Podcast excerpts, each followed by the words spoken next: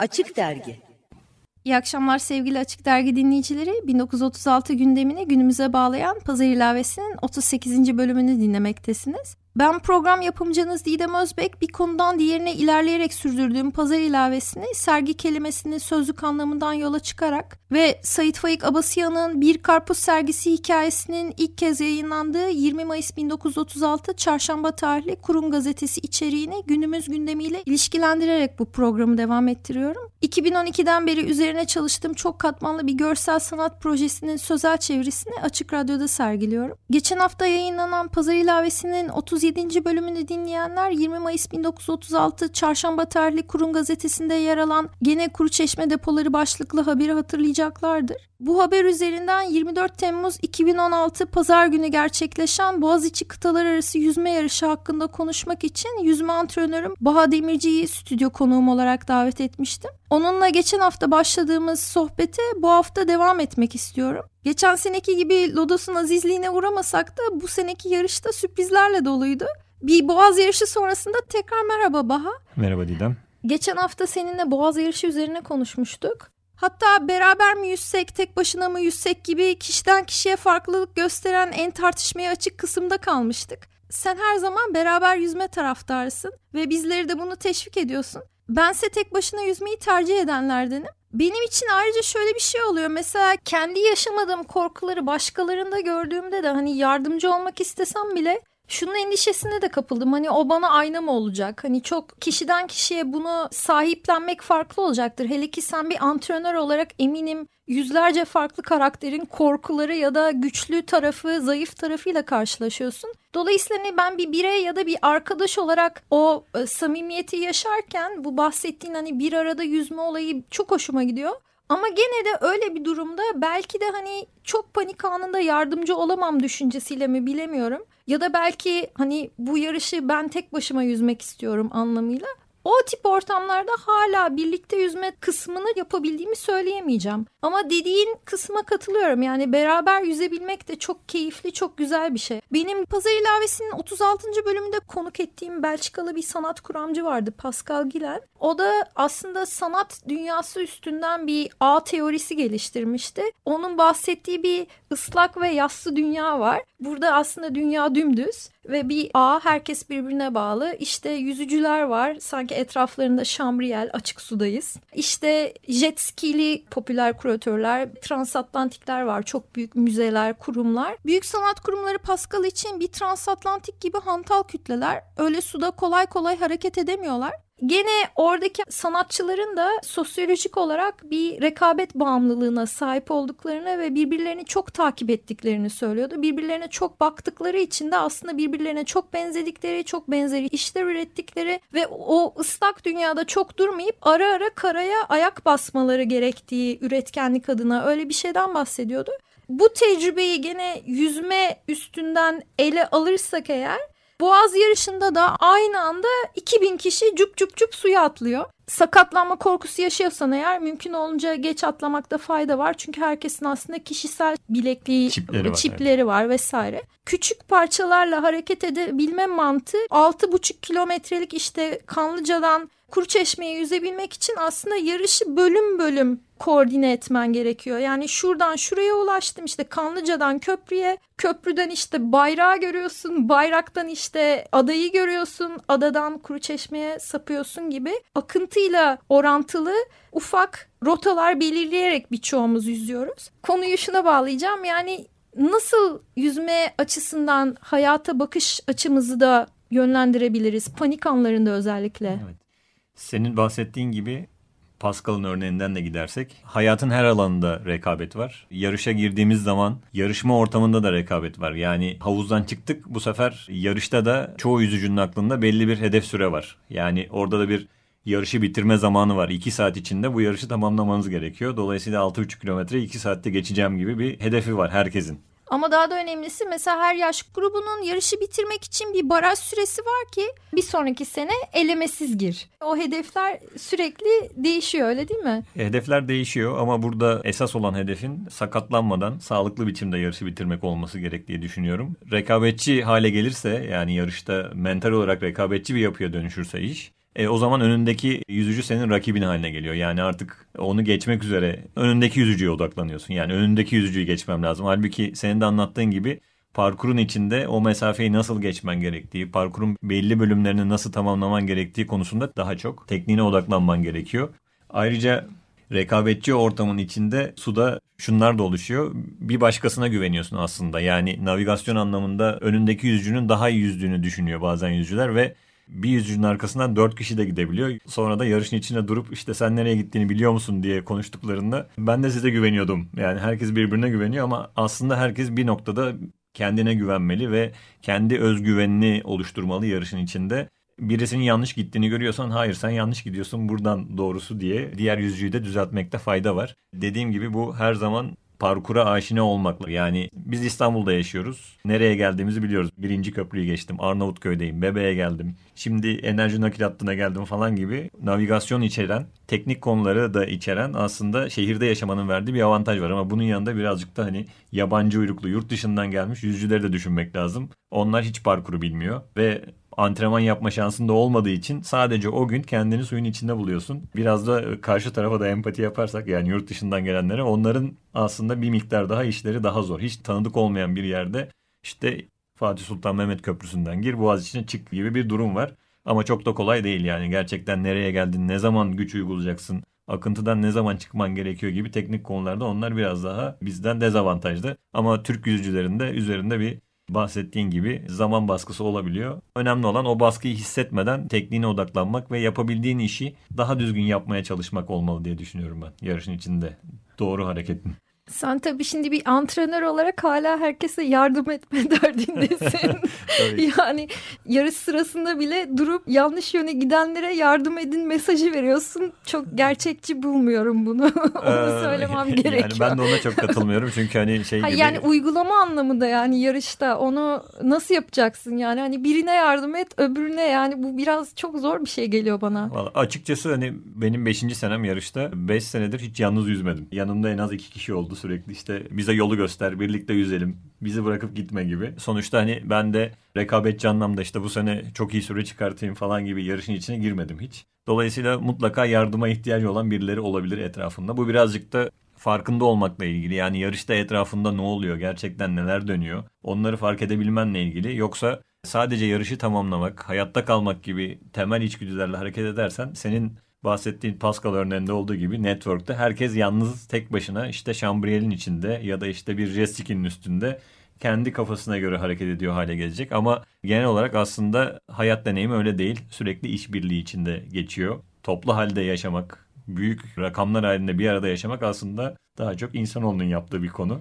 O zaman gene Pascal'ın örneğinde belki de sen bir kılavuz kaptan oluyorsun. Bu hani boğaz geçişlerini sağlayan hani turuncu kılavuz tekneleri vardır ya. Kılavuz Olabilir. kaptan. Çünkü Pascal'ın örneğinde denizde kimse aslında serbest yüzücü değil. Birey olarak suda olan herkesin etrafında bir şambriyel var en azından ya da hadi kolluk bir şey diyelim yani bir can yeleği vesaire. Kimse aslında çıplak yüzmüyor o anlamda kendi fiziksel gücüyle. Dolayısıyla bence senin tarif ettiğin şey gerçekten bir kılavuz kaptanlık. Bence bu kılavuz kaptanın değerini çok iyi bilmek gerekiyor diye düşünüyorum.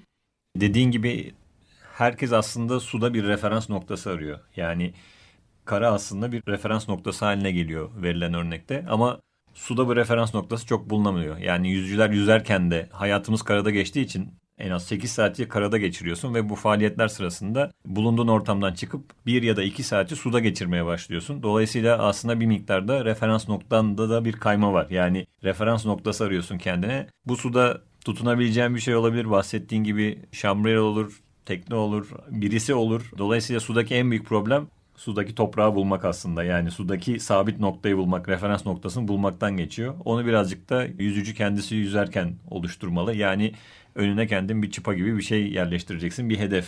Anadolu Hisarı'na geleceğim. Ondan sonra Bebe'ye geleceğim. Bebe'ye geçtim Arnavutköy. Arnavutköy'e geçtim Galatasaray Adası gibi minik hedeflerle önüne yerleştirdiğin küçük hedefleri elde etmeye çalışman gerekiyor aslında. Baha kıtalar arası yüzme konusunu burada sonlandırıp biraz da ülkeler arası yüzerek yeni bir hayat inşa etmek zorunda bırakılan insanlar hakkında konuşmak istiyorum seninle. Pazar ilavesinin geçmiş bölümlerinde yakın zamanda özellikle Yunanistan'da ölümler haberi ve ülkemize gelen muhacirler gibi 20 Mayıs 1936 tarihli Kurum gazetesinde yer alan bazı haberler üzerine programlar yapmıştım. Ve bunların çoğunda aslında özellikle Ege Denizi'ndeki ölümler yani ülkeler arası artık e, göç biliyorsun çok dünya gündeminde olan bir şey.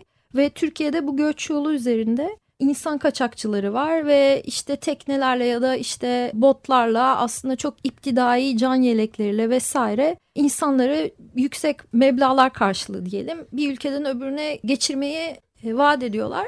Ve bu noktada işte gene yüzme sporu e, işin içine bir bakıma giriyor. Kendimi bir açık su yüzücüsü olarak dikkate aldığımda son birkaç yıldır artık Ege'de bile yüzerken çok rahatsız olduğumu düşünüyorum. Sürekli aklımda bu konu var. Bir yandan da hep şunu düşünüyorum yani bir gün ben de acaba buradan bir Yunan adasına yüzmek zorunda kalacağım mı? Kendim uzun mesafe yüzebilen bir insan olmakla birlikte bir ehliyet gibi aslında bu bir bakıma. İyi mi kötü mü bilemiyorum. Sen ne düşünüyorsun bu konuda bir yüzme antrenörü olarak? Öncelikle yaşanan sorun çok yeni bir sorun değil tabii ki. Yıllardır var ama son yıllarda yoğun biçimde yaşanmaya başladı. İnsanların aldığı riskler de artmaya başladı tabii ki yaşanan problemler nedeniyle. Özellikle o bahsettiğin can yeleği konusu var ki orada bir tanım hatası var bence. Can yelekleri genelde hepsi can yeleği olarak tasarlanmıyor. Aslında bunlar yüzdürücü yelekler.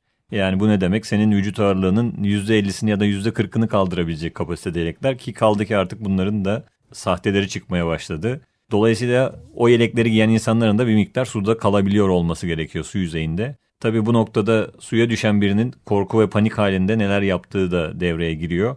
Tekneden düşen birisinin nasıl davranabileceği çok değişken bir konu. Çünkü suyun soğukluğu gündüz mü gece mi hangi noktaya gittiğini bilmediğin için beynin senin nasıl yönlendirebileceği çok da açık değil aslında.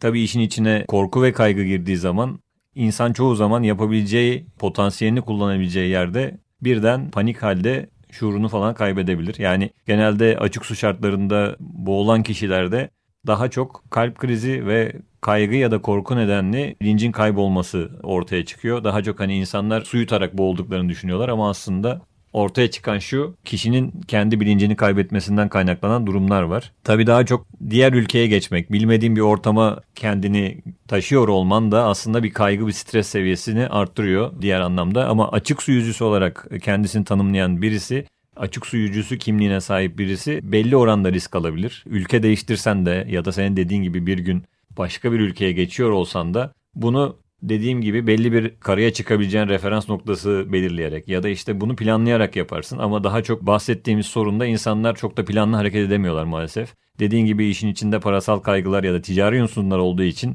artık onlar birer ticari meta haline geldiklerinden bu insanlar yaşamlarını kaybediyorlar. Bence burada olması gereken daha çok kendilerini bu tip bir bilinmezin içine atmak yerine legal yollardan bu işi yapmaları daha mantıklı görünüyor tabii ki ama görünen o ki bu iş yıllardır devam ediyor. Sayısı arttı yani son yıllarda. Zaten aslında öyle bir ortamda insan yer aldığında bir tek kendin bir birey olarak olmuyorsun orada. Çoğu zaman ailenle birlikte oluyorsun. Herkes eşit koşullarda olmuyor. Dediğin gibi gündüzle gece çok farklı. Tuzlu su etkeni farklı nerede olduğunu bilememe, oryantasyon bir sürü etmen var işin içinde. Dolayısıyla hani kendini mi düşüneceksin, diğerlerini mi düşüneceksin? Hani bu aslında bireysel değil hani ailece o farkındalığa sahip olman gereken bir durum. Diğer yandan da boğulmayı dikkate alırsak aslında çok iyi yüzme bilsen bile panik anında çok rahat boğulabiliyorsun öyle değil mi? Hani iki santim suda bile boğulabilirsin.